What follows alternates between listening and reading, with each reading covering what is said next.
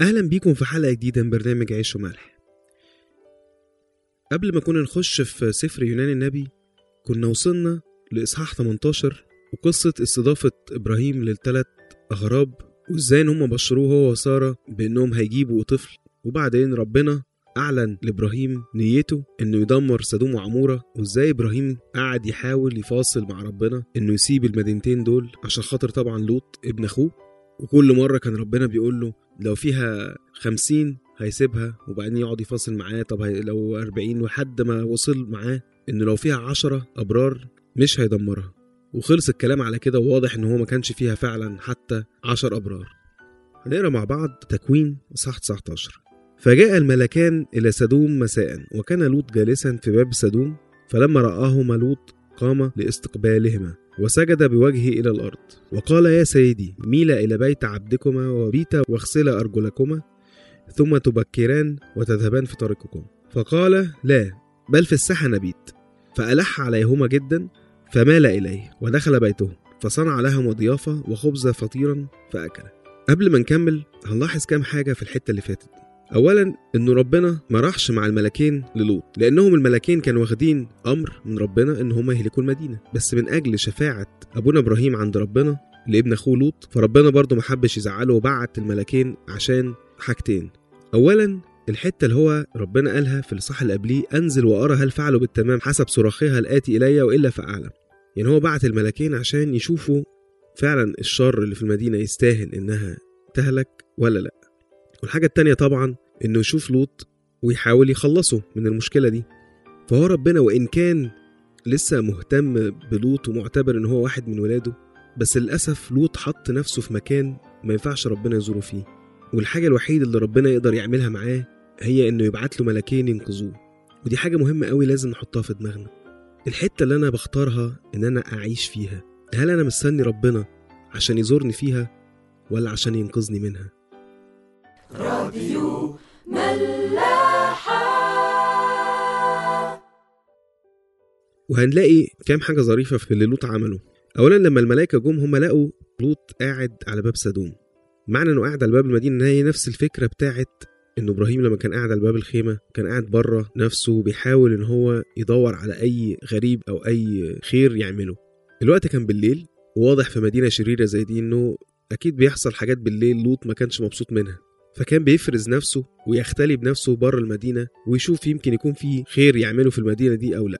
هنلاقي الموضوع ده متقال في رسالة بطرس الرسول الثانية صح التاني. آية سبعة وبيتكلم يعني على موضوع سدوم وعمورة وبيقول إنه إزاي ربنا أنقذ لوط البار مغلوبا من سيرة الأردياء في الدعارة. إذ كان البار بالنظر والسمع وهو ساكن بينهم يعذب يوما فيوما نفسه البارة بالأفعال الأثيمة. يعلم الرب أن ينقذ الأتقياء من التجربة. ويحفظ الأثمة إلى يوم الدين معاقبين وده يوضح لنا نقطة كنا اتكلمنا عليها برضو قبل كده في حلقة عيش وملح.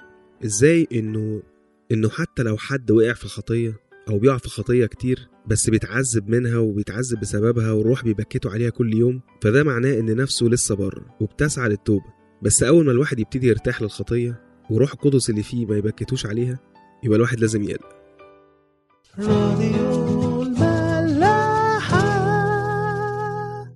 ويكمل الكتاب بيحكي لنا على استضافة لوط للغرباء وكأنه متعلم بالظبط من أبونا إبراهيم الموضوع ده. إزاي إنه إنه أول ما شافهم راح استقبلهم وسجد للأرض وألح عليهم قوي إن هم يبيتوا عنده.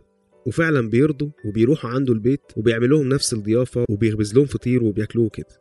حصل بقى حاجة غريبة جدا بعد الموضوع ده. يقول لنا إيه؟ وقبلما الضجع أحاط بالبيت رجال المدينة رجال سدوم من الحدث إلى الشيخ.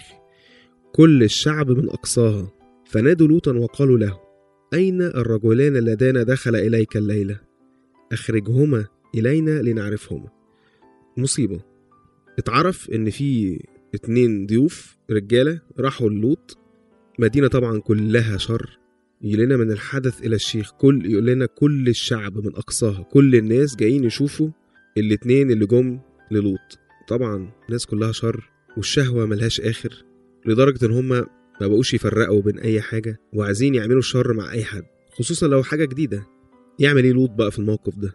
يقول لنا فخرج إليهم لوط إلى الباب وأغلق الباب وراءه وقال لا تفعلوا شرا يا إخوتي بيحاول يهديهم بيحاول يعملهم كاخوات وبرضه بيحاول يقول لهم ما ينفعش الكلام ده. هو ده ليه ابنتان؟ هو طبعا اضطرب جدا ومش عارف يعمل إيه والناس هتعتدي على على ضيوفه. فبيحاول يلاقي أي حل. يعني وكانه كان عايز يقول لهم طب خدوني أنا بدلهم أي حاجة. وطبعا هو عارف إن هو شيخ كبير فهم أكيد هيكونوا عايزين حد تاني. فراح قايل لهم حتى حل غريب جدا بيقول لهم هو ده لي ابنتان لم تعرفوا رجلا. أخرجهما إليكم فافعلوا بهما كما يحسن في عيونكم. وأما هذان الرجلان فلا تفعلوا بهما شيئا لأنهما قد دخل تحت ظل سقفي. من كتر التوتر اللي دخل فيه لوط فراح عرض عليهم بناته. طبعا هم حاطين الموضوع في دماغهم وخلاص قفلت على الموضوع ده فراحوا قايلين له إيه أبعد إلى هناك. ثم قالوا جاء هذا الإنسان ليتغرب وهو يحكم حكما الآن نفعل بك شرا أكثر منهما. خلاص بقى هاجوا عليه قالوا له أنت أنت مش كفاية إنك غريب كمان هت هتوعظنا. ابعد الراجل أنت من قدامنا بدل ما نعمل فيك أوحش من اللي هنعمله فيهم. فألحوا على الراجل لوط جدا وتقدموا ليكسروا الباب.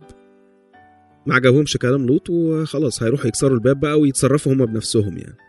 وده يبين لنا إنه مفيش مساومة في الشر. يعني ما تحاولش تساوم خطية بخطية تانية. ما تحاولش تساوم الشر بشر. لما الواحد يتحط في مواقف زي كده أول حاجة يعملها إنه يصلي. أو ينده على الشفيع بتاعه على إبراهيم بتاعه. ما هو إبراهيم للوط هو زي أي شفيع لينا دلوقتي. وربنا مش ممكن مش ممكن مهما كنت أنت حطيت نفسك في موقف تستاهل عليه اللي يجرالك مش ممكن لو ندهته هيسيبك في الموقف ده. على طول يبعت لك ملائكته ينقذوك زي المزمور لألا تمس بحجر رجلك. فكان لازم إنه ينده على ربنا ما ينفعش إنه كان يتصرف من دماغه. وطبعا رغم إنه عمل كده ربنا ما سمحش إنه يضحي ببناته. وهنشوف إيه اللي حصل. يقول لنا فمد الرجلان أيديهما وأدخل لوط إليهما إلى البيت وغلق الباب. الملاكين راحوا مدخلين لوط بقى له إحنا هنتصرف. وأما الرجال الذين على باب البيت فضرباهم بالعمى. من الصغير إلى الكبير فعجزوا عن أن يجدوا الباب. دخلوا لوط جوه والرجالة اللي بره ضربوهم بالعمى كلهم. والغريب في الموضوع إن هو يقول لنا إن هم عجزوا عن, أن يجدوا الباب. يعني هم كمان حتى بعد ما اتعموا ما حسوش إن لأ ده في حاجة غريبة والناس دي لأ دي ده عندهم سلطان معين أو جاي من عند ربنا. لأ هم برضو من كتر ما هم الخطية عامتهم تماما عامت قلوبهم فلما عينيهم اتعمت ما بقتش فارقة. هم قلوبهم أصلا مش حاسة بحاجة. ولسه عايزين يلاقوا الباب. يعني حتى وهم عمي. طبعا بعد الموقف ده ما بقاش في شك إنه المدينة كلها من صغيرها لكبيرها ما بقاش فيها أمل. وما بقاش فيها مجال للتوبة. ولا وعظ نافع ولا معجزات نافعة ولا عمى نافع ولا أي حاجة. ربنا ما يسمحش إننا نوصل لنفس المرحلة بتاعة سدوم وعمورة وإن روح القدس جوانا يفضل يشتغل فينا وحتى لو الخطية اتملكت مني يفضل الروح يبكتني عليها لحد ما أموت. واطلب زي ما داود طلب روحك القدوس يا رب لا تنزعه مني.